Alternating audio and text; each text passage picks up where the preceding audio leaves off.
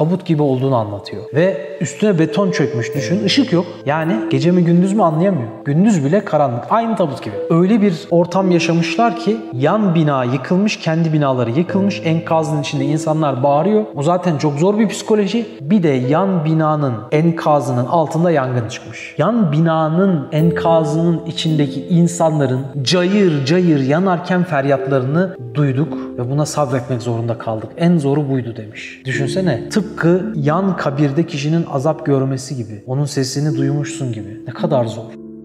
Ve depremin de o bölgede olması, Elbistan'da olması bizzat bence bir işaret. Bizzat. Benim dünyamda özellikle. Buradan ders almamız lazım.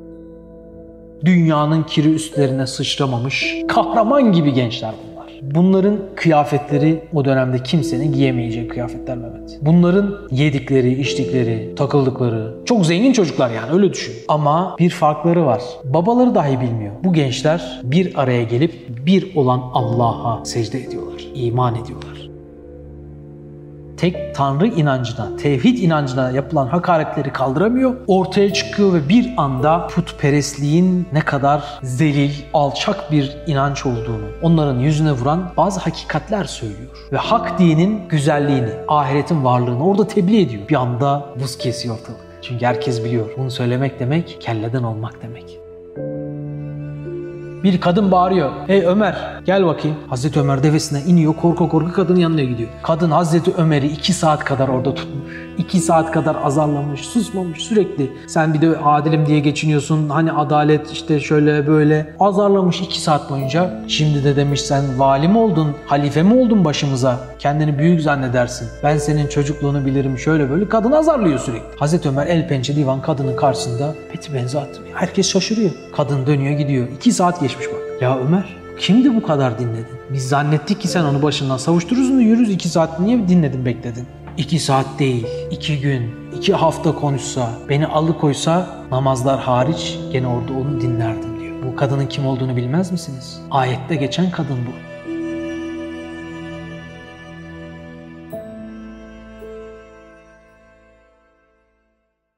Kardeşlerim bugün çok güzel bir ders yapacağız. O kadar güzel ki belki yaptığımız Ruberu serilerinde bence ilk 3'e girebilir. İlk 2'yi zorlar, ilk 1'le de kapışır. Böyle güzel bir konu. İnşallah bu derse katıldığınız için böyle katılmayan kardeşlerimizin yanında hava atabileceksiniz. Ya benim dünyamda çok etkisi olan bir farkındalık oluşturdu bu ders. İnşallah sizlerde de aynı intiba sebep olur. Şimdi deprem pek çoğumuzun hayatında bir şeyleri değiştirmesine, belki bazı kararlar almasına sebep oldu ya. Hatta geçen birisi söylüyordu. Ben şu 15 günlük süreçte hayatımda kaç senedir herhalde 50 yaşında 50 senedir yakalayamadığım kadar çok daha fazla olgunlaştım. 50 senenin beni getirdiği seviyeden çok daha fazla bu iki hafta beni olgunlaştırdı diyor. Gerçekten pek çoğumuz ders alabilenler özellikle gaflete dalmayanlar hayatında bazı şeyleri değiştirenler oldu. Bazı tefekkürlere girenler oldu. Bu süreç bir mektep oldu yani. Hakikaten hepimize nasıl korona süreci çok acılıydı. Ama o acılarla beraber bir mektep gibi adeta Cenab-ı Hak bizlere ders vermişti. Onun gibi ben de tefekkür dünyamda beni en çok etkileyen hususlardan birini bu akşam sizlerle paylaşmak istiyorum. Ashab-ı Keyif'ten bahsedeceğiz bu akşam ve meşhur o Buhari'de geçen 3 arkadaş hadisinden bahsedeceğiz. Aslında konumuz şu, enkazdan nasıl kurtulur? Enkazdan nasıl çıkabiliriz? Yani başımıza bir enkaz yıkılsa hangi teknikle Kadir o enkazdan çıkacağız? Hepimiz bunu merak ediyoruz değil mi ya şu süreçte? Faylar nereden geçiyormuş? Oradan taşınalım. Nereden fay geçmiyormuş? Oraya yerleşelim gibi şeyler söyleniyordu. Konya'da fay yokmuş falan dediler. İnsanlar bir kısım insanlar Konya'ya göçtüler. Orada deprem oldu bu sefer. Biliyorsunuz 4.2 orada da deprem oldu falan. Yani Türkiye komple deprem bölgesi demeye başladı pek çok insan. Yani buna dikkat edin. Her yerde olabilir. Allah vermesin. Farklı musibetler de olabilir. Farklı afetler de olabilir. Yani dünya hayatının içinde Cenab-ı Hak bazı imtihanlar yaşatıyor. Bu dünyanın gerçeği. Öyle olmazsa böyle bir şekilde bu hayat bitecek ama bazı senaryolar buralarda Cenab-ı Hak adeta kalbimizi sarsıyor. Bir zilzal, bir deprem kalbimize yaşatıyor bir sarsıntı. Bir farkındalık için adeta yakamızdan tutup silkeleyen pek çok hadise oluyor. Bazısı da böyle oluyor. Ve bu deprem sürecinde de işte kimimiz acaba enkazda kalsam ne yaparım? Deprem çantası oluşturayım dedi. Ben yıllardır böyle aile gruplarına hep mesaj atarım. Deprem çantası oluşturmayan varsa oluştursun. Hanıma söylerdim falan filan. Şimdi biz bu depremden sonra deprem çantasını da büyüttük. Bayağı bir malzeme koyduk içine. Çünkü yani insan şöyle olursa böyle olur, böyle olursa şöyle olur. Bir sürü senaryo üretebiliyor değil mi? Evin bir köşesini seçtik. Bilmiyorum sizler de yaptınız mı? Bir deprem anında nerede yaşam üçgeni oluşturabilirim? Bu gibi şeyler. Ama başına farz et ki bir enkaz yığıldı. Acaba oradan çıkmak mümkün olabilir mi? Oradan çıkabilir miyim? Bilmiyorum siz de merak ettiniz mi? Ben merak ettim açıkçası. Bir teyzemizin özellikle şöyle söylemesi beni çok düşündürdü. Dedi ya teyze enkazdan bir çıkmış bir bakmış. Aa dünya duruyor mu? Ben kıyamet koptu ve dünya komple yıkıldı zannettim demiş. Çünkü düşünün o enkazın altında kalan afetzedelerle konuşulduğu zaman şöyle şeyler söylüyorlar. Ben de duydum. Kabir gibi diyorlar. Etrafımız komple karanlık. Tabutun içinde gibiyiz. Kolumuzu bile oynatamıyoruz. O derece bir sıkışıklık. Nefes alabiliyorsak ne mutlu. Biliyorsunuz yani pek çok insan bunu da elde edemedi. Bu şekilde şehit oldular. İnşallah Allah kabul ederse. Bir kısmı belki bir tık daha geniş yerlerde kaldılar yaşam üçgeni olarak ama pek çok insan tabut gibi olduğunu anlatıyor. Ve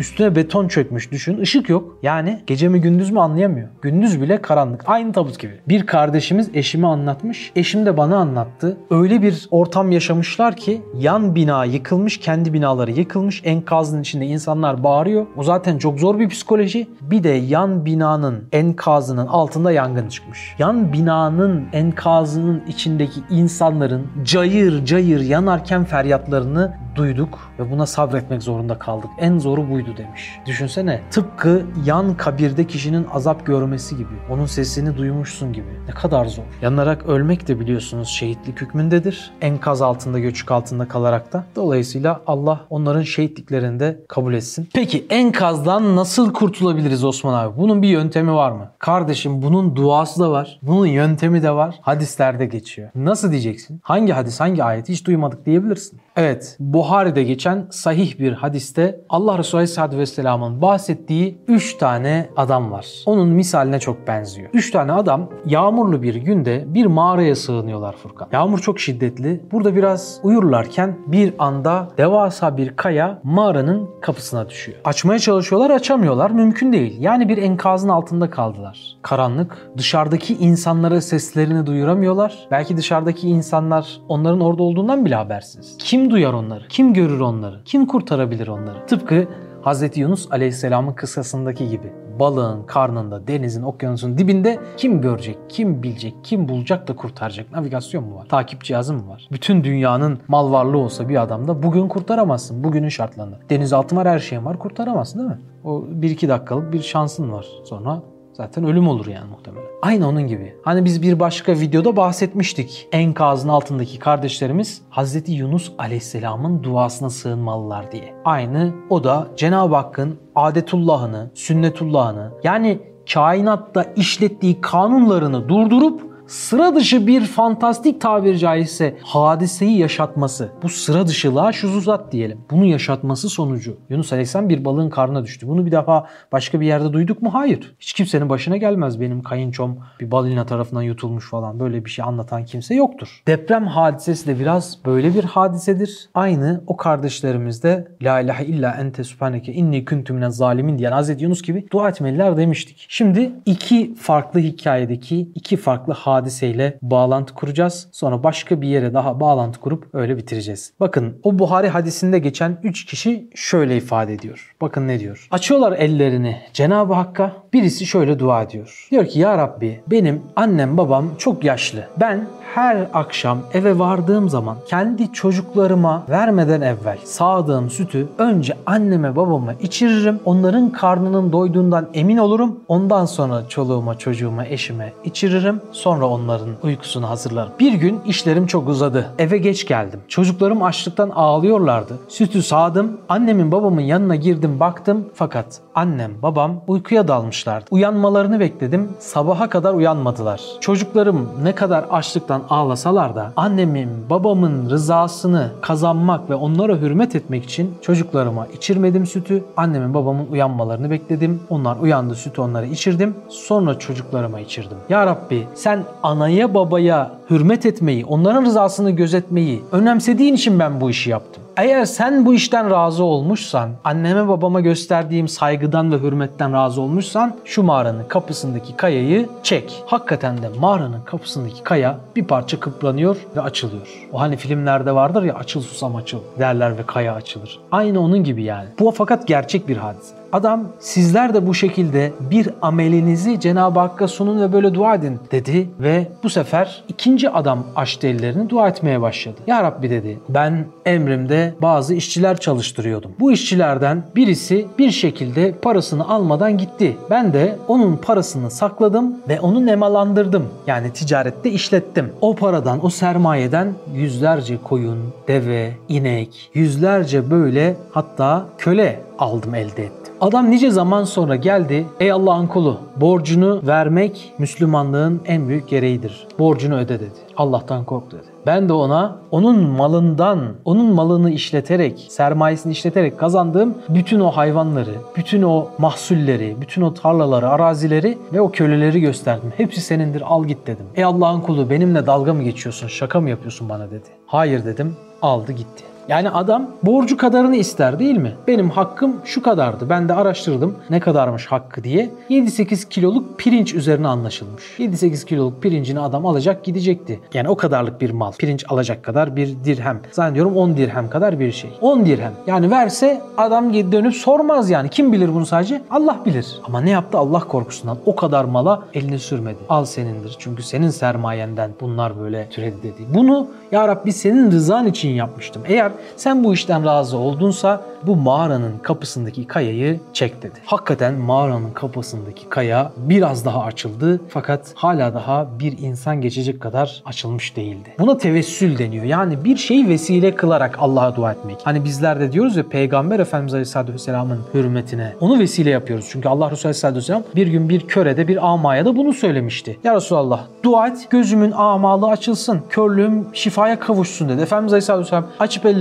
orada dua edebilirdi. Etmedi. Ne dedi? Git abdest al, aç ellerini. Ya Rabbi senin Resulün olan Hazreti Muhammed hürmetine benim gözüme şifa ver diye namaz kıldıktan sonra dua et dedi. Adam böyle dua etti ve gözündeki amalık gitti. Biliyorsunuz değil mi bu rivayeti? Bil mana söyleyeyim ben. Yani buna tevessül deniliyor. Bir şey vesile kılarak Allah katında Allah'ın hoşnut olduğu birini veya bir şeyi özellikle bir ameli vesile kılarak dua etmeye ne deniliyormuş? Tevessül. Ehli sünnette çok önemlidir. Hatta ehli sünnetin turnusol kağıdı gibi bir şeydir. Yani başka ehli sünnetten hariç yola sapanlar ilk buraya saldırırlar genelde. Yani ehli sünnetin aslında önemli bir hususiyetidir. Devam edelim. Üçüncü adam açıyor ellerini diyor. Ya Rabbi benim bir amcamın kızı var. Her şey sana ayan beyan sen de biliyorsun ya Rabbi. Ben o amcamın kızına deliler gibi aşığım. İfadeler tabii biraz ben kendi dünyamdan ifade ediyorum. Bir mana söyleyelim hadisin ifadesi.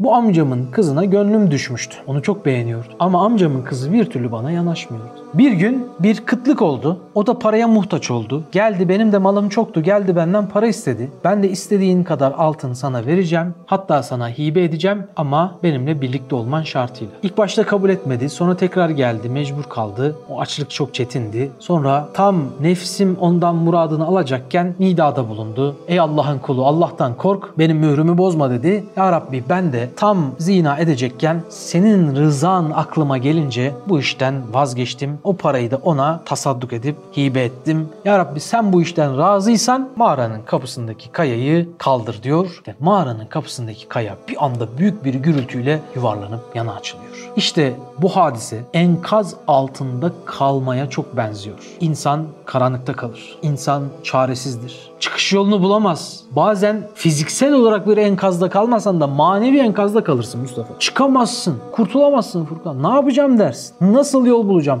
Ya Rabbi bir ışık göster. Yani bu karanlık tünel beni çok korkuttu. Çok artık bilemez oldum ne yapacağımı, nereye gideceğimi. Bir yön göster, bir yol göster. Beni kurtar, çekip çıkar dersin. Manevi enkaz veya maddi enkaz fark etmez. İşte bu yöntemi izlersen Allah'ın izni ve inayetiyle zaten Fettah ismiyle Cenab-ı Hak nice kapılar açacaktır. Burada Furkan bir önemli husus var değil mi? Bunun için ne lazım? Yatırım lazım. Sermayeni doğru yere yatırman lazım. Yani burada gayrimenkul yatırımcılığından bahsetmiyorum. Altın alıp satmaktan bahsetmiyorum. Burada salih ameli Allah katında bir tevessül yapabilmek için salih amel geçmişin olması lazım vurgusunu yapmaya çalışıyorum. Yani sen Allah'a el açtığında ne diyeceksin? Namazım desem namazım doğru düzgün değil. Orucum desem orucum doğru düzgün değil. Yani ne amelim var? İslam için ne yaptım? Allah için ne yaptım? Yani onu sunayım Allah'a. Zamanında ya Rabbi böyle olmuştu. Ben de senin rızanı gözeterek böyle yapmıştım diyebileceğim. Ne var yani? Bir şey yoksa kendini sorgula. Dara düştüğünde eyvah dersin. Keşke zamanında ben de darda olana yardım etseydim. Keşke zamanında ben de İslam'a yardım etseydim. Dar gününde de Allah senin imdadına yetişecekti. Evet bu esbab dairesinde söylediğimiz bir şey tabii ki. Bu üç adamın üçünün de riayet ettiği hukuklar hayatımıza bir rehber olmalı. Ana baba hukuku, iffet hukuku ve kul hakkı hukuku. Çalıştırdığın eleman hukuku. Alnının teri soğumadan diyor değil mi?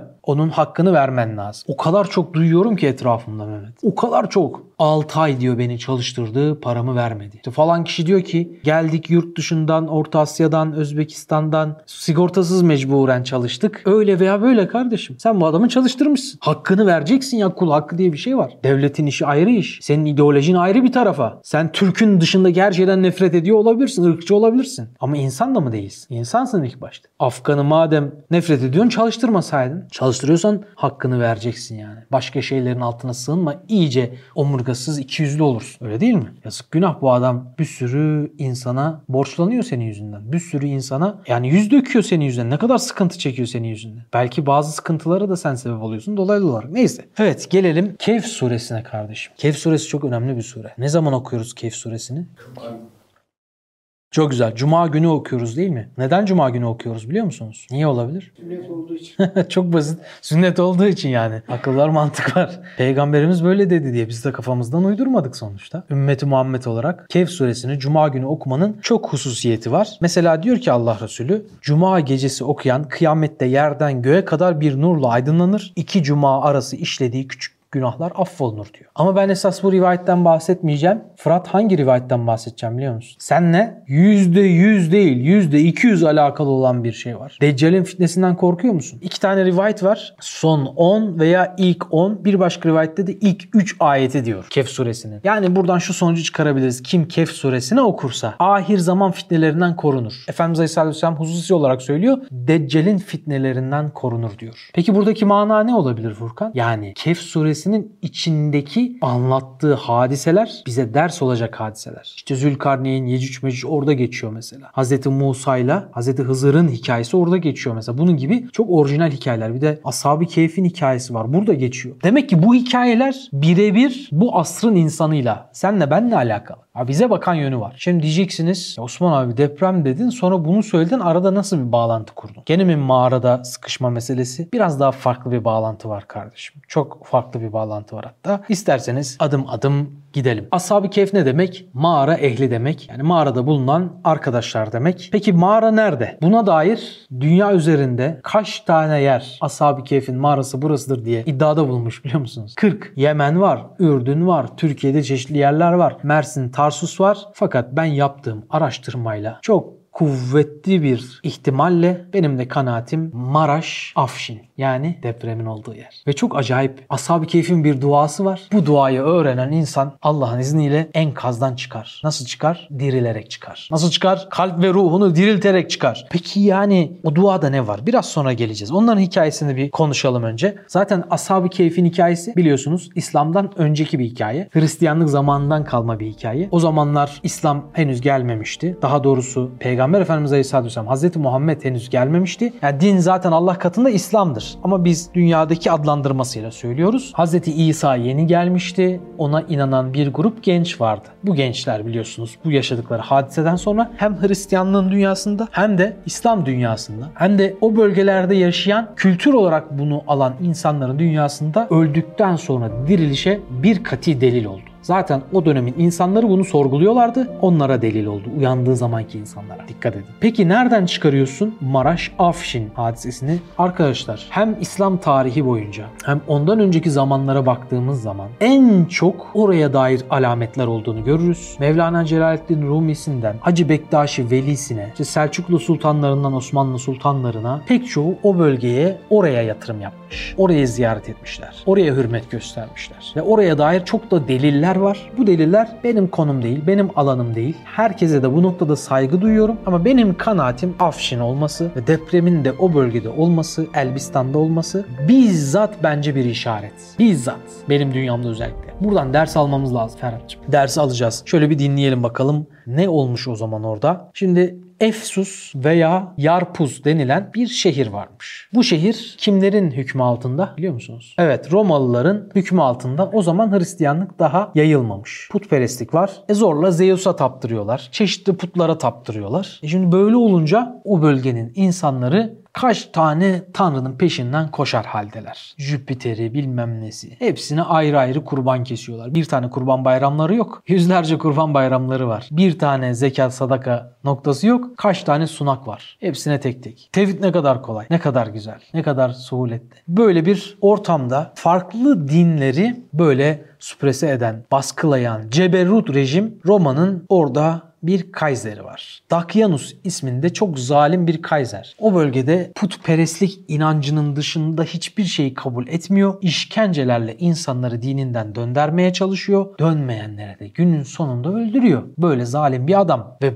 bu zalimin etrafında bir aristokrasi tayfası var. Bunlar bugünün tabiriyle üst düzey bürokrat olarak algılayın. Zengin çocukları. İşte Ankara'da Çukurambar'da takılan gençler var ya bakan çocuğu, milletvekili çocuğu öyle düşün yani. Üst düzey bürokrat çocukları bunlar. Aristokrasinin içindeler. Bir elleri yağda, bir elleri balda. O kadar o saray keşmekeşi, o saray debdebesi içinde hani bulunmalarına rağmen zerre dünyanın kiri üstlerine sıçramamış kahraman gibi gençler bunlar. Bunların kıyafetleri o dönemde kimsenin giyemeyeceği kıyafetler Mehmet. Bunların yedikleri, içtikleri, takıldıkları çok zengin çocuklar yani öyle düşün. Ama bir farkları var. Babaları dahi bilmiyor. Bu gençler bir araya gelip bir olan Allah'a secde ediyorlar. iman ediyorlar. Hz. İsa'ya inanmışlar. Onu da putperestliğin saçmalığını keşfederek bu arkadaş grubu bunlar birbirleriyle hani arkadaşlar. Bunların hepsi bekar. Birisi hariç. Mekselina. O hariç hepsi bekar. Yani Çınaraltı'nın gençlerine çok benziyorlar. Hani biz de hep Çınaraltı'nı ona benzetiyoruz ya burası Ashab-ı Keyf'in mağarası gibi kardeşim. Ahir zamanın o fitnelerinden, günahlarından, ateşlerinden sığınacağımız, kaçıp böyle sığınabileceğimiz bir liman gibi bir mağara burası. Ashab-ı Keyf'in mağarası diyoruz ya hep Çınaraltı için. Aynı öyle. Sizin üniversitenize giderken, okulunuza giderken, ne bileyim bir spor salonuna falan giderken etrafta şahit olduğunuz ruhunuzu karartan günahlar var mı? Var değil mi? Bunalıyorsunuz değil mi böyle? Berbat hissediyoruz.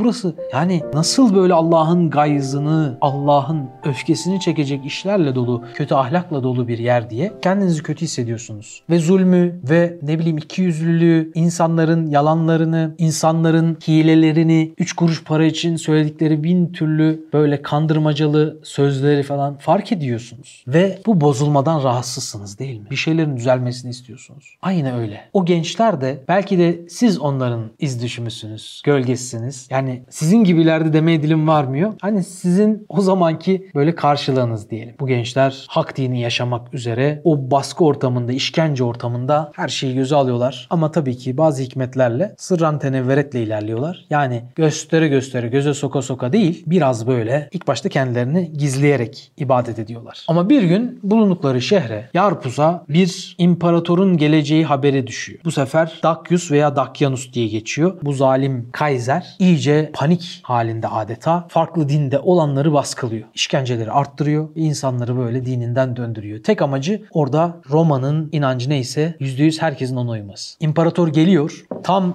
halk, bürokrasi, imparator orada bir selamlama varken o anda bu gençlerden birisi o sahte ilahlara gösterilen tazimi ve tek tanrı inancına, tevhid inancına yapılan hakaretleri kaldıramıyor. Ortaya çıkıyor ve bir anda putperestliğin ne kadar zelil, alçak bir inanç olduğunu, yani ne kadar yanlış olduğunu onların yüzüne vuran bazı hakikatler söylüyor. Ve hak dinin güzelliğini, ahiretin varlığını orada tebliğ ediyor. Bir anda buz kesiyor ortalık. Çünkü herkes biliyor. Bunu söylemek demek kelleden olmak demek. Ve biliyorlar ki bu genç, bunu söyleyen genç oranın en soylu ailesinin çocuğu. O ortaya çıkınca diğer soylu ailelerin çocuklarında bakıyorsun o altı genç bir araya geldi. Altısı da en soylu ailelerin çocukları. Hepsi de aynı hakikati. Birbirlerine destek vererek çıktılar canlarını feda edercesine. O an oradaki kumandanlar onları öldürmek istedi. İmparator durun dedi. İmparator herkesten fazla öldürmek istiyordu ama bildi ki o öldürürse halk onları kahraman ilan eder ve onların dinine girer. Akıllıydı. Size mühlet dedi. Üç gün. Bu üç gün sonunda doğru kararı vereceksiniz dedi.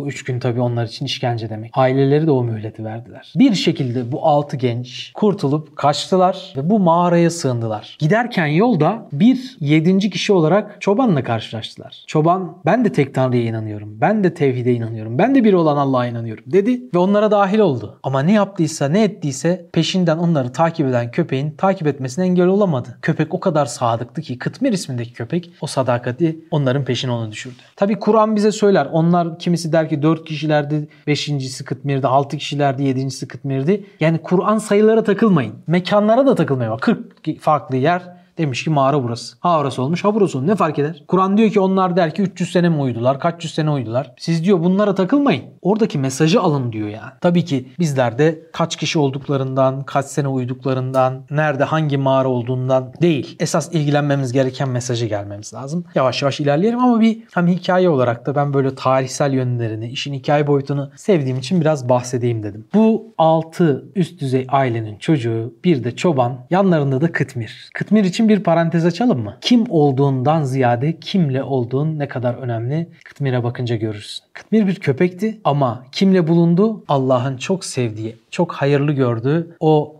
7 kişiyle. Onlarla olan birlikteliği, arkadaşlığı onu cennete soktu. Peki bizler kimlerle arkadaşlık edeceğiz? Salihlerle. Kimle haşr olmak istiyorsan onlarla arkadaşlık et. Salihlerle oturup kalkan onlara yapılan hayır muameleden nasipli olur. Öyleyse salihlerin bir araya geldiği Çınaraltı gibi yerlerden ayrılmamak lazım. Sürüden ayrılanı kurt kapar demişler ya. O kurt kim? Şeytan.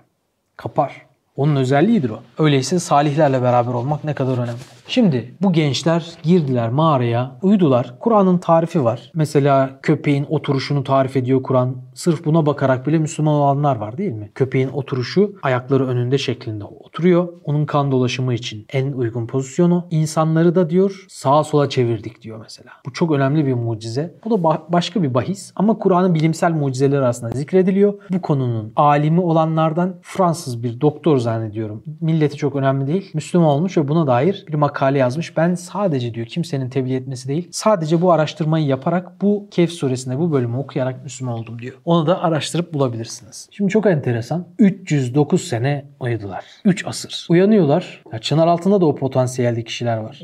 yani 300 sene olmasa da bir 100 sene uyur kardeşlerimiz var yani. Hatta bilmiyorum 23 yaşında 24 yaşında ama sanki hiç uyanmamış gibi yani hayatı hala uykuyla geçiyor gibi yani. Şimdi bu gençlerin özelliklerinden tabii en son ben bazı şeyler de söyleyeceğim söyleyeceğim. Ashab-ı Kehf, ashab keyif değildi. Onları farklı yapan bir husus vardı. En son çıkarım olarak da onu anlatırız. Şimdi çok enteresan bir şey. 309 sene uyudular. Uyandılar. Ne dediler? Biz ne kadar uyuduk? Kimisi dedik herhalde birkaç saat. Birisi de herhalde bir günü biraz geçti. Yani hiç fark etmemişler. Açlık, susuzluk. Cenab-ı Hak ne ölümü, ne açlığı ne susuzluğu onlara göstermedi. Çok enteresan değil mi? Aynı enkazdan çıkan kişilere benzemiyor mu? 309 saat sonra çıkanlar var. Aynı onların 309 sene çıkması gibi. Çıkıyor adam soruyorsun ne yedin ne içtin ya. Daha bugün bir tanesini videosunu izledim. Diyor ki birisi vardı en sevdiğim yemekleri, ayranı falan getiriyordu bana. Lahmacun yediriyordu bana dedi. İnanmayan adam, kalbinde iman olmayan adam ne der Fırat? Hayal der buna. Hayal mi gerçek mi yani? Hızır mıydı neydi acaba? Belki de gerçekti. Belki de hayaldi. Fark eder mi? Fark etmez. Allah'ın onu orada tuttuğu gerçeğini hiçbir şey değiştirmez. Hani diyor ya 300 sene mi 309 sene mi? O mağara mı bu mağara mı? Kaç kişiler verdi? 5 miydi 7 miydi? Değil ya bunlara bakma. Hayal miydi gerçek miydi? Değil buna bakma ya. Adam o kadar saat orada durmuş mu? Durmuş. Sapa sağlam çıkmış mı?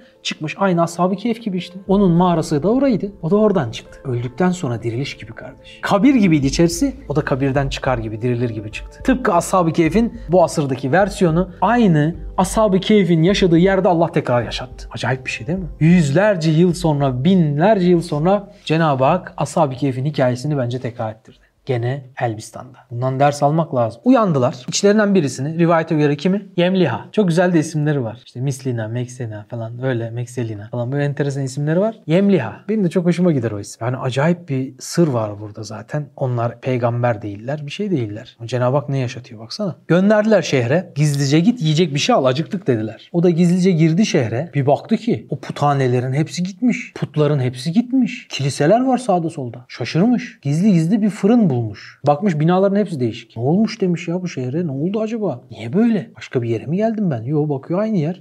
Allah Allah. Nasıl oldu acaba? Geliyor bir fırın ha Mehmet. Bizim buradaki fırın gibi. Parayı veriyor. Gümüş parayı.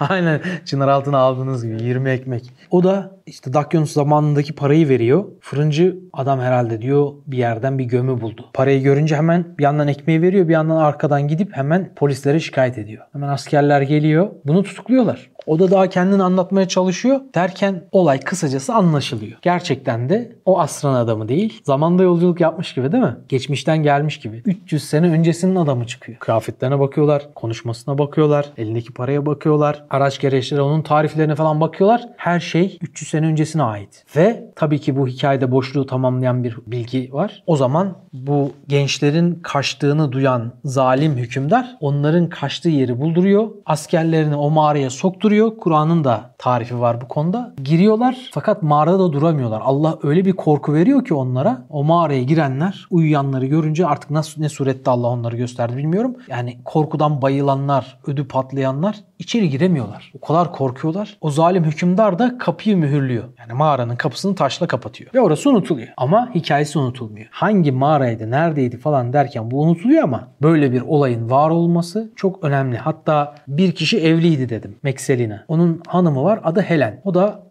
mağaranın yanına defnediliyor. Hani bir şekilde kendisi bulmuş. Yakınlarına oraya defnedilmesini söylüyor. Oraya da bir şey yapmışlar. Mezar yapmışlar sunak. Sonradan o mezar bulunuyor. Daha yeni bulunmuş hatta tekrar. Neyse onlar tabii kapatıyorlar. Uyanınca işte çıkıyor. Böyle oluyor hadise. Sonra anlatınca Yemliha'nın peşine takılıyor. O Hristiyan olmuş işte Yarpuz şehrinin insanları. O hikayenin gerçek olduğuna dair hızlıca böyle fısırtı yayılıyor kulaktan kulağa. Herkes o yedi uyurları görmeye geliyor. Bu sefer Yemliha diyor ki sizler böyle devlet görevlileri, polisler, askerler, halk geldiniz. Arkadaşlarım zannedecek ki siz onları tutuklamaya geldiniz, öldürmeye geldiniz. Korkacaklar. İsterseniz ben önden gireyim. Onlara durumu arz edeyim sonra siz gelin. Giriyor içeri fakat saat geçiyor. Çıkmayınca bu işte bir sıra dışı iş var diyorlar. Hep beraber içeri giriyorlar. Bir bakıyorlar ki hepsi vefat etmiş. Orada hakikaten 300 sene öncesinin kıyafetleri, yazıları, e, eşyalarıyla beraber. Onlara hepsine tabii böyle mezarlar yapıyorlar. Bu şekilde bu hadise kulaktan kulağa yayılıyor ve insanlar onları aziz olarak biliyorlar. İslam'dan önce hak din olarak tabi Hristiyanlık olarak bizim şu an isimlendirdiğimiz İslam'ın o zamanki versiyonu şeklinde orada azizlere yönelik bir yer yapılıyor. Şimdi bu çok enteresan bir hikaye yani. Baktığın zaman olacak bir şey değil değil mi normalde? Mümkün değil bir insan. Benim arkadaşım vardı 14 saat uyuyordu yani. Bizim Çınaraltı'nın ilk zamanlarında bir kardeşim vardı. O da izlerse ona da selam olsun. Onun lakabı Cesetti. Daha sonra onu da kısalttılar. Cesi demeye başladılar. Sonra bir kardeşimiz ona cesur demeye başladı. Çocuğun adı cesur kaldı yani. Ne alaka? Adı adı bambaşka bu arada. adı Furkan. Neyse o kardeşimiz 20 saat falan uyumuştu. Yani artık o kaçan vakitlerde kaza etmiş uyanınca. Biz bir yere gitmişiz. O da orada kalmış uyumuş. 20 saat yani rekor bildiğim bu. Var mı daha fazla uyuyan duydunuz? Kardeşimiz hakikaten ceset lakabını ismiyle müsemma olarak taşıyor. Yatıyor kalkıyor, hafif karanlık. Yok kalkmamış ya full yatmış. yani yedi uyuyorlar gibi bir uyanıyor. Şehre bir geliyor buraya ne olmuş ya.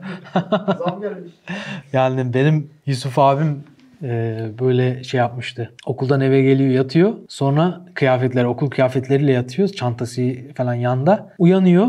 İşte ikindi vakti gelmiş ya. Uyumuş 2-3 saat uyumuş. İşte akşam 8 bu sabah 8 anlıyor. Eyvah diyor servisi kaçırdım. Koşarak gidiyor işte hazırlanıyor çıkıyor caddeye iniyor oradan dolmuşa biniyor bayağı 15 dakika kadar dolmuşta gidiyor sonra diyor ki ya hava niye karanlık böyle düşünürken Allah Allah niye karanlık ya falan saate bakıyor saat 8 sonra fark ediyor ki sabah değil akşam hala. Aynı onun gibi.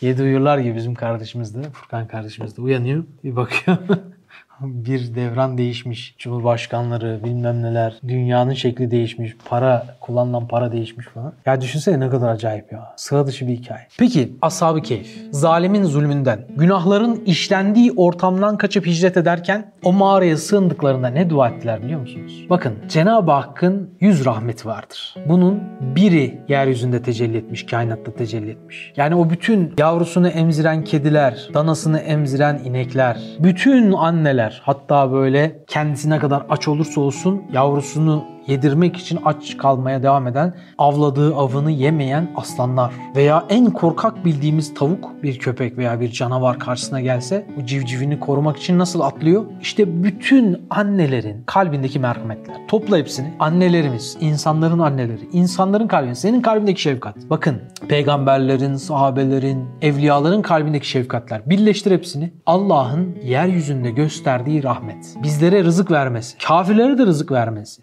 Hastalıklarımıza şifa vermesi. Bu gibi bütün hadiseler ne? Allah'ın o yüz rahmetinin biriymiş. 99'u nerede Mehmet? Mahkeme-i Kübra'da. Allah 99 merhametini Mahkeme-i Kübra'ya saklamış. Katında saklıyor. Furkan acayip bir şey değil mi bu? Allah'ın rahmetinden ümit kesilir mi ya? Kesilmez. Şimdi Kadir can alıcı noktaya geldik. Ashab-ı Keyf açıyorlar ellerini o biri değil 99'u istiyorlar. Allah'ım katındaki rahmeti istiyoruz. Peygamber olmamalarına rağmen mucize yapıyor Allah onlara. Niye? Katındaki rahmeti istediler diye. Allah muhafaza eylesin ama bir afete uğrarsan, afetzede olursan yüreğinin bam telini titreterek ashab-ı keyfin frekansında bir dua edebilirsen o zaman sana da Cenab-ı Hak aynı tecelliyi gösterebilir. Hatta bununla ilgili Mesnevi Nuriye'de çok güzel bir yer var. Ferhat'cığım orayı okuyabilir misin kardeşim? Arkadaş, bilhassa mustar olanların dualarının büyük bir tesiri vardır. Bazen o gibi duaların hürmetine en büyük bir şeyin en küçük bir şeye musahhar ve muti olur. Bak en büyük bir şey en küçük bir şeye musahhar ve muti olur. Burayı unutmayın tamam mı? En büyük bir şey en küçük bir şeye musahhar ve muti olur. Musahhar ne demek? Hizmetkar demek. Muti ne demek? İtaatkar demek. Neymiş Fırat? En büyük bir şey en küçük bir şeye musahhar ve muti olur. Yani hizmetkar ve itaatkar olur. En büyük bir şey en küçük bir şey. Burayı unutmayın. Evet devam edelim. Evet, kırık bir tahta parçası üzerindeki fakir ve kalbi kırık bir masumun duası hürmetine denizin fırtınası, şiddeti, hiddeti inmeye başlar. Bak bir tane kalbi kırık, masum, fakir birisi. Özellikler nasıl? Dipte. Kalbi kırık, masum, fakir ve kırık bir tahta parçası üzerine denizin ortasında bir adam. Onun duası hürmetine bir kişiyi değil, milyonlarca kişiyi etkileyen, sadece insanlar değil, diğer canlıları da etkileyen, sadece canlıları değil, cansızları da etkileyen bir hadise. Fırtına. Allah'ın bir sistemi değil mi bu? Ama Cenab-ı Hak o sistemi bir tek adamın samimi duası hürmetine durduruyor. Ya kardeşim ben kimim ki benim duam ile böyle hadiseler değişsin deme ya deme. Aramızdan bir tane adam çıkarsak bir tane böyle yüreği aynı bu kırık tahta parçası üzerindeki fakir kalbi kırık masum adam gibi dua edebilecek bir kişi çıkarsak deprem durdurur o dua. Deprem durdurur. Kadir bir şey söyleyeceğim. Peygamber Efendimiz Aleyhisselatü Vesselam bir hadisinde bilmana şöyle demiyor mu? Beli bükülmüş ihtiyarlarınız olmasa belalar sel gibi üzerinize yağardı. Koronada en çok kimler vefat etti? Yaşlılarımız değil mi? Yaşlılarımız özellikle de alimlerimiz bir bir vefat edip çekilince ne oldu? Belalar sel gibi üstümüze yağmaya başladı. Akıllı olan Müslüman evindeki yaşlıyı götürüp huzur evine koymaz. Evinde bakar. Ne diyebilir onu? Deprem sigortam bu benim der ya. Öyle değil mi? Bu benim daskım. Deprem sigortam. Yani o benim afetlerden, belalardan, bereketsizlikten, fakirlikten, geçim sıkıntısından Pek çok böyle musibetten şemsiyem o yaşlı hürmetine ben rızıklandırılıyorum. Der o yaşlıyı öpüp başına koyar. Şimdi nasıl? Tamamen materyalist bakıldığı için yaşlı yüktür. Bir an önce o yükten kurtulmak lazım. Ama vicdan da var. Ne yapalım? Öyleyse huzur evine atalım. E orada iyi bakıyorlarmış canım falan tarzında. Arkadaşlar da var. Ne oldu? Belalar sel gibi yağdı kardeşim. Ne huzurun kaldı ne bereketin. Sonra da afetler zaten vurdu. Öyleyse buraya dikkat edeceğiz. O duayı yapabilen bir kişi çıksa vallahi var ya Kadir. Her şeyin seyri değişir ya. Dehşetli bir musibet geldiği anda belki yani tabi Cenab-ı Hakk'ın muradı çok daha farklıdır. O ayrı, o müstesna. Ama bir musibet şekliyle geliyorsa ve o iş duayla çevrilecek bir işse hakikaten o dua orada yani taşı gediğine koymak gibi oluyor yani. O kişinin samimi duası Allah fırtınayı durdurabiliyor. Şimdi bizim söylemlerimiz içinde bir yanlışlık var Sefa. Biz diyoruz ki ya sünnetullah, adetullah bu böyle. Bu aslında tam doğru bir ifade değil biliyor musun? Niye? Çünkü aslında Cenab-ı Hakk'ın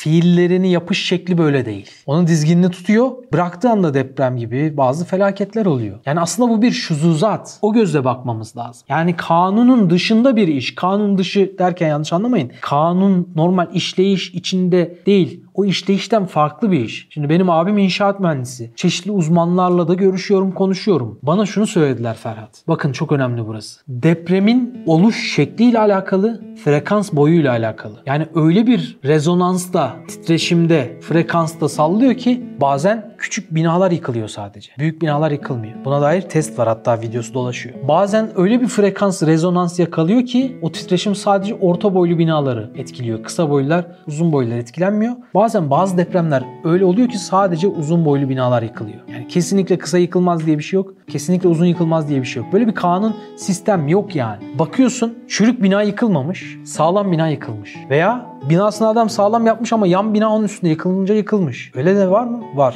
Temeliyle beraber düşenler var mı? Var. Yani mesela zemin sıvılaşmış. Bundan dolayı bina devrilmiş. Ne yapacaksın buna? Bunun bir kanunu var mı? Binamızı sağlam yaparsak hiçbir şey olmaz demek Allah muhafaza çok inançlı bir söylem değil. Biraz dinsizliği işmam eden sözlere benziyor. Yani sadece materyalist bakalım. Bu Allah'ın kontrolüyle olan bir şey değil haşa. Böyle diyorlar değil mi? Kader demeyin demesinin sebebi bu aslında. Kader demeyin demek de yanlış. Hiçbir şey yapmamıza gerek yok. Öyle de olsa da böyle de olsa da kader olacaktı. Bizi yakalayacaktı demek de yanlış. Birisi mutezile, birisi de cebriye. Doğru olan ne? Doğru olan mümin olarak üstümüze düşeni yapacağız. Binamızı en sağlam şekilde yapacağız. Kanuna uyacağız. Ama bu iki fasıl ayrı fasıl Ferhat. Şimdi mesela bir memur düşün. Bu memur sokakta kavga etse, birisi de ona hakarette bulunsa veya bir şiddet uygulasa onun kanundaki yeri hükmü farklı değil mi Onur? Ama bu memur görev başındayken devletin bir makamını işgal ederken ona yapılan hakaret veya şiddet o zaman onun kanundaki yeri başka değil mi? Devlet hatta o adam ben hakkımı helal ediyorum canım hiç sorun yok dese bile devlet sen çekil aradan der. Senlik değil bu benimle alakalı der. Bana yapılmış bir şey der. Öyle değil mi? Kendisi dava açar. Kendisi takip eder. Onun kanundaki yeri başka. Adam aynı, görevi aynı, olay aynı. Sadece mekanı değiştiği için fasıl başka. Çünkü orada amaç araç ilişkisi değişiyor. Aynı böyle kardeşim. Cenab-ı Hakk'ın kanunlarına uyacağız. Binamızı sağlam yapacağız. Ama sağlam bina yaptık daha da bize hiçbir şey olmaz diyemeyiz. Sağlam binayı yapmamak ayrı bir günah. Kanundaki yeri başka bir yerde geçer ama binanı sağlam yapsan dahi başına gelen şeyin felaket olduğunu, sıra dışı bir hadis olduğunu bilmek imanın başka bir şubesi, başka bir faslıdır. Onu ayrı değerlendirmen lazım. Bunu şu zat gözüyle bakman lazım. Şimdi burada şu alarda bir bölüm var. Onu okuyacağız. Rububiyeti hususiye diye bir kavramı sizin önünüze sunacağız. Üstad bunu nazara veriyor. Rububiyeti hususiye ne demek? Şimdi rububiyet ne önce bunu anlayalım. Allah'ın Rablığı. Rab ne demek? Terbiye eden. Peki terbiye edilmiş edilmemiş arasındaki fark nerede ortaya çıkar? Mesela terbiye edilmiş bir at evcilleşir. Emre itaat etmesini ortaya çıkar. Emre itaat edip etmeme. Demek ki terbiye etmek, Rab, rububiyet emrine itaat ettiren demekmiş. Buradan bunu anladık mı? Anladık. Koy cebine. Bunun bir umumi olanı var, mutlak olanı var. Buna ne diyoruz? Rububiyeti mutlaka. Rububiyeti umumi de diyebiliriz. Bir de hususi, ferde, şahsa, hadiseye bakan yüzü var. Ona ne diyoruz? Rububiyeti hususiye. Cenab-ı Hakk'ın bir vahdaniyeti var bir de ehadiyeti var değil mi? Bir vahid ismi var bir de ehad ismi var. Vahid ismi. Bütün insanların gözlerini aynı yerde, burunlarını aynı yerde, ağızlarını aynı yerde yaratması. Ama bu kadarcık alanda her insanın yüzünün başka olması o da ehad ismi. İkisi de birlik demek ama birisi umumi perspektif, birisi hususi perspektif. Birisi makro alem, birisi mikro alem. Anlaşılıyor değil mi? Hepimizin parmak izi başka, göz retinası başka, DNA'sı başka. Bu rububiyet hususiyeye bakıyor. Yani Cenab-ı Hakk'ın hususi terbiyesi. Bu hadisede de Cenab-ı Hak bizzat hususi müdahale ediyor kardeşim. O yüzden Cenab-ı Hak'la kurduğun irtibatta ashab-ı keyfin duasıyla irtibat kurman lazım. Nasıl dua ediyordu peki ashab-ı keyif? Mağaraya girdiklerinde ne dediler biliyor musunuz? Dediler ki Rabbena atina min ledünke rahmeten ve heyyi lena min emrina reşeden diyor. Bu duayı ezberleyin, sıklıkla yapın. Ne demek biliyor musunuz? Rabbimiz bize katından bir rahmet ver ve bize şu durumumuzdan bir kurtuluş yolu hazırla. Niye enkazdan kurtulma yolu diye bunu anlattım. Şimdi anladınız mı? Ashab-ı Keyif nasıl dua etmiş? Ya Rabbi buradaki değil. Neredeki? Katından bir rahmet ver ve bize şu durumumuzdan bir kurtuluş yolu hazırla. Enkazdan kurtuluş yolu. Evet, o ikinci şuadaki o bölümü Ferhat okuyalım. Sonra birkaç çıkarım yapacağız ve bitecek. Bir zaman ziyade dikkatimden ve fazla şefkatten ve acımak duygusundan zi hayat ve hususan onlardan zi şuur ve bilhassa insanlar ve bilhassa mazlumlar ve musibete giriftar olanların halleri çok ziyade dikkatime ve şefkatime ve kalbime dokunuyordu. Kalben diyordum, bu aciz ve zayıf bir çarelerin dertlerini alemde hükmeden bu yeknesak kanunlar dinlemedikleri gibi istila edici ve sağır olan unsurlar ve sağır olan unsurlar hadiseler dahi işitmezler. Bunların bu perişan hallerine merhamet edip hususi işlerine müdahale eden yok mu diye ruhum çok derin feryat ediyordu. Evet bakın burada ziyade dikkat. Şimdi Allah'ın şefkatinden daha fazla şefkat olabilir mi? Bütün insanlara, bütün hayvanlara her şeyi şefkati veren Allah. Bütün hepimizin şefkati birleşse Allah'ın rahmet okyanusunda damla etmez. Öyle değil mi? Ama biz ne yapıyoruz? İnsanlara acımamızdan, olayların böyle dehşetinden hemen bunlara böyle yardım edecek, el uzatacak kimse yok mu diyoruz. Ve bakın Üstad nasıl ifadeler kullanıyor. Bu aciz ve zayıf biçarelerin dertlerini alemde hükmeden bu yeknesak kanunlar dinlemedikleri gibi. Yeknesak kanunlar. İşte o adiyat perdesi, o yeknesaklık perdesi yırtılıyor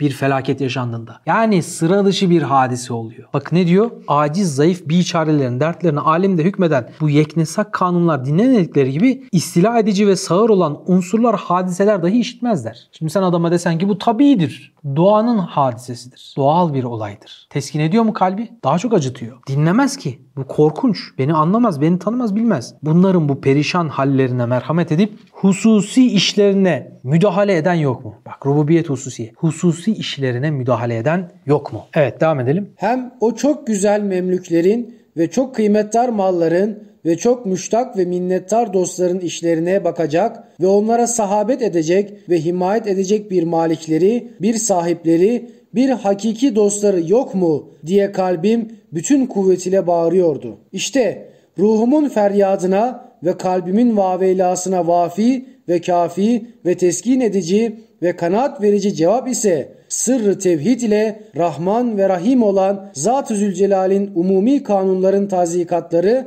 ve hadisatın tehacümatı altında ağlayan ve sızlayan o sevimli memlüklerine kanunların fevkinde olarak ihsanat-ı hususiyesi ve imdadat-ı hassası ve doğrudan doğruya her şeye karşı rububiyet-i hususiyesi ve her şeyin tedbirini bizzat kendisi görmesi ve her şeyin derdini bizzat dinlemesi ve her şeyin hakiki maliki, sahibi, hamisi olduğunu sırrı Kur'an ve nuru iman ile bildim. O hadsiz meyusiyet yerinde nihayetsiz bir mesruriyet hissettim. Ve her bir zi hayat öyle bir Maliki Zülcelal'e mensubiyeti ve memlukiyeti cihetiyle nazarımda binler derece bir ehemmiyet, bir kıymet kesbettiler. Evet bakın ne kadar önemli bir şey söyledi. Sırrı tevhid ile. Bak çok önemli. Rahman Rahim olan Zat-ı Zülcelal umumi kanunların tazikatları ve hadisatın teacümatı. Yani hadiselerin hücumu altında ağlayan sızlayan o sevimli kullarına kanunların fevkinde olarak. Kanunların fevkinde olarak. Yani böyle ağlayan bir çare mazlumlar var ya kanunların haricinde olarak ihsanat hususiyesi ve imdadatı hassası. Yani ona hususi imdadı. Ona özel yardımı. Ve doğrudan doğruya her şeye karşı rububiyeti hususiyesi var. Özel ilgi gösteriyor. Özel terbiye ediyor. Adam bir bakıyorsun yani o imkansızlıklar içerisinde bir hadise olmuş. Bir tane ev attım ya gruba. Evin ilk 3 katı yıkılmış, 4. katı yıkılmamış. Havada duruyor. bir tane böyle bir şey var, taşıyıcı bir şey. O kalmış, bir de üst kat kalmış mesela. İşte ne bileyim İki tane çocuğu annesi gösteriyor. Şurada diyor. Geliyor Hollandalılar cihazlarıyla bakıyor. Burada kimse yok diyor. Gidiyorlar. Annesi yalvarıyor ya burada çocuklarım diyor. Hakikaten kazıyorlar. iki tane çocuğu çıkartıyorlar. Çocuğun annesi nerede buradaydı diyorlar. Çocuk diyor ki annem 4 sene önce vefat etti. Yani bu gibi hadiseler değil mi? Daha niceleri.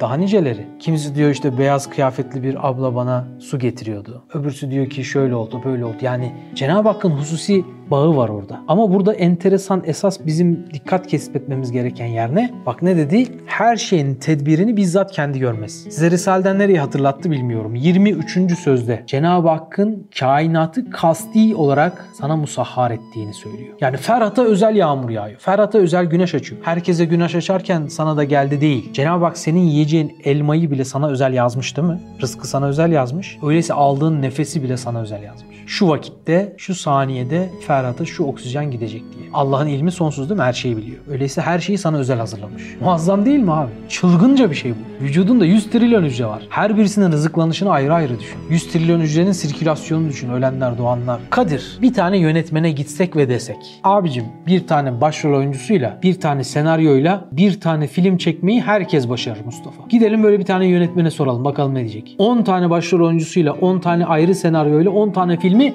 aynı anda çek bakalım. Çekebilir mi? Cenab-ı Hak 8 milyar insanın filmini aynı anda çekiyor. Hepsinin kaderini aynı anda yazmış. Hepsi kendi filminde başrol oyuncusu. Muazzam değil mi ya? Senarist de o, yönetmen de o, yapımcı da o, her şey o. Sana bıraktığı şey çok az yani. Ne göz kırpmayı vermiş, ne kalp çarpmasını vermiş. Sana sadece ufak tefek kararlar almayı vermiş. Mail, mail, mailin var bir şeylere. Cüzi irade. Yemek yiyorsun tatmayı sana bırakmış. Yutkunmaktan sonrasında karışmıyorsun. Kudrete bak kainatın her yerini evirip çevirirken şu dünyamızda 8 milyar insanın, yüzler trilyon ortalama hücresini, hepsinin ölümünü doğumunu, hepsinin organellerini, ribozomunu, lizozomunu ayrı ayrı tasarrufuyla terbiye ediyor. Böyle bir zat göçüğün altında kalmış olan adamı işitmez mi? Bir başka hadise. Bir gün Hazreti Ömer tebaasıyla yürüyordu. Bilirsiniz değil mi işte Cumhurbaşkanı geçer veya bir başbakan geçer. Böyle düşünün konvoylar, kortejler değil mi? Kaç araba. O zaman da çakarlı develer.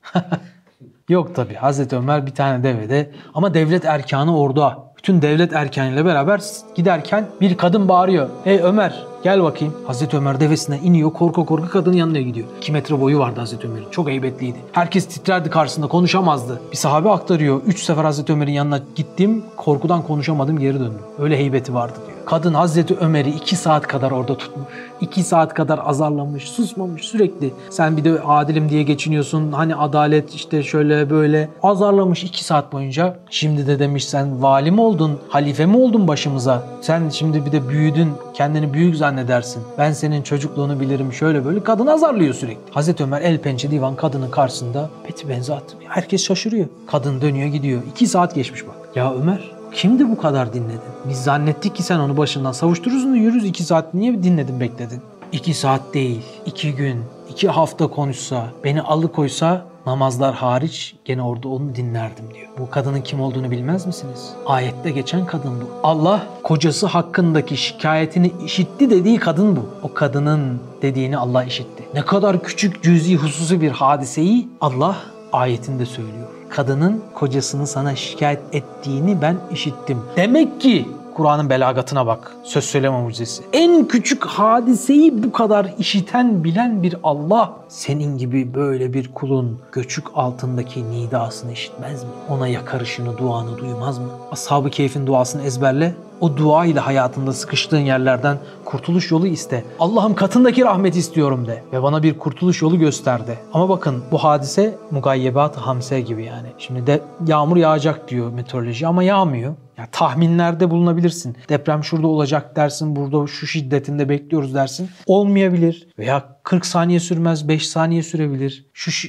yani çok sarsmaz, çok yerin dibinde olur bir şeyler. Hani onları %100 bilemezsin. Şu kadar bina yıkılır, şöyle olacak, böyle olacak. Tam bilemezsin değil mi? İşte mesela birisi ne anlattı eşim? İlk depremde evleri yıkılmamış. Komşusu demiş ki sakın girmeyin. Adam da demiş ki daha bu kadar büyük olmaz deprem. Artçılar olur, ufaklar olur. Arabada sefalet çekiyoruz. Girelim uyuyalım. Girmişler uyumuşlar. Kesinlikle girmeyin bak bir daha büyük deprem olur yıkılır enkazda kalırsınız diyen komşusu çıkmış gitmiş köye. Yakınmış köyleri. Köyde 3-4 kişi enkaz enkazdan kurtarmış. Sonra geri gelmiş. Demiş ki ya bir iki yorgan alayım eve bir hemen 5 dakika bir gireyim çıkayım. O girdiği 5 dakika içinde deprem olmuş vefat etmiş. 10 dakika önce gelse yorgan alıp çıkacak. 10 dakika sonra gelse enkazı görecek girmeyecek. Ecel çağırıyor. Ecel çağırır. Demek ki burada hususi bir iş var abi. Alelade değil bu işler. Tesadüfün elinde değil bu işler. Cenab-ı Hakk'ın hususi bir felaketi, bir şuzuzat, sıra dışı bir hadise, hususi bir imtihan için Cenab-ı Hak perdeyi kapatıyor, bir hadise yaşatıyor. Bu işi sıradanlaştıramayız. Bu işi tabidir, şudur, budur diye Allah'la irtibatını koparamayız. Tesadüf gibi gösteremeyiz. Burada hepimize bakan bir taraf var. Hepimize. Hepimizle ilgili hususi bir imtihan var.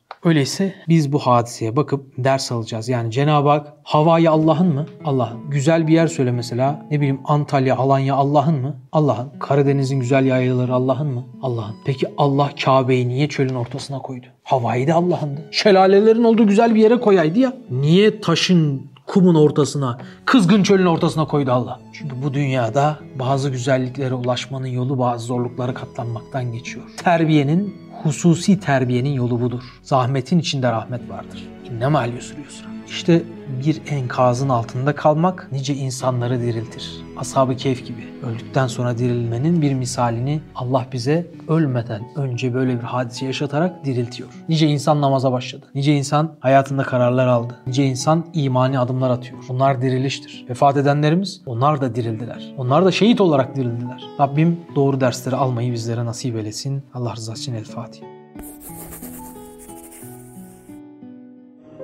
Osman Sungur Yekin'in beklenen kitabı çıktı. Bir gün Anneler de Gider adlı kitabını kitapyurdu.com ve Nüve Design sayfalarından temin edebilirsiniz.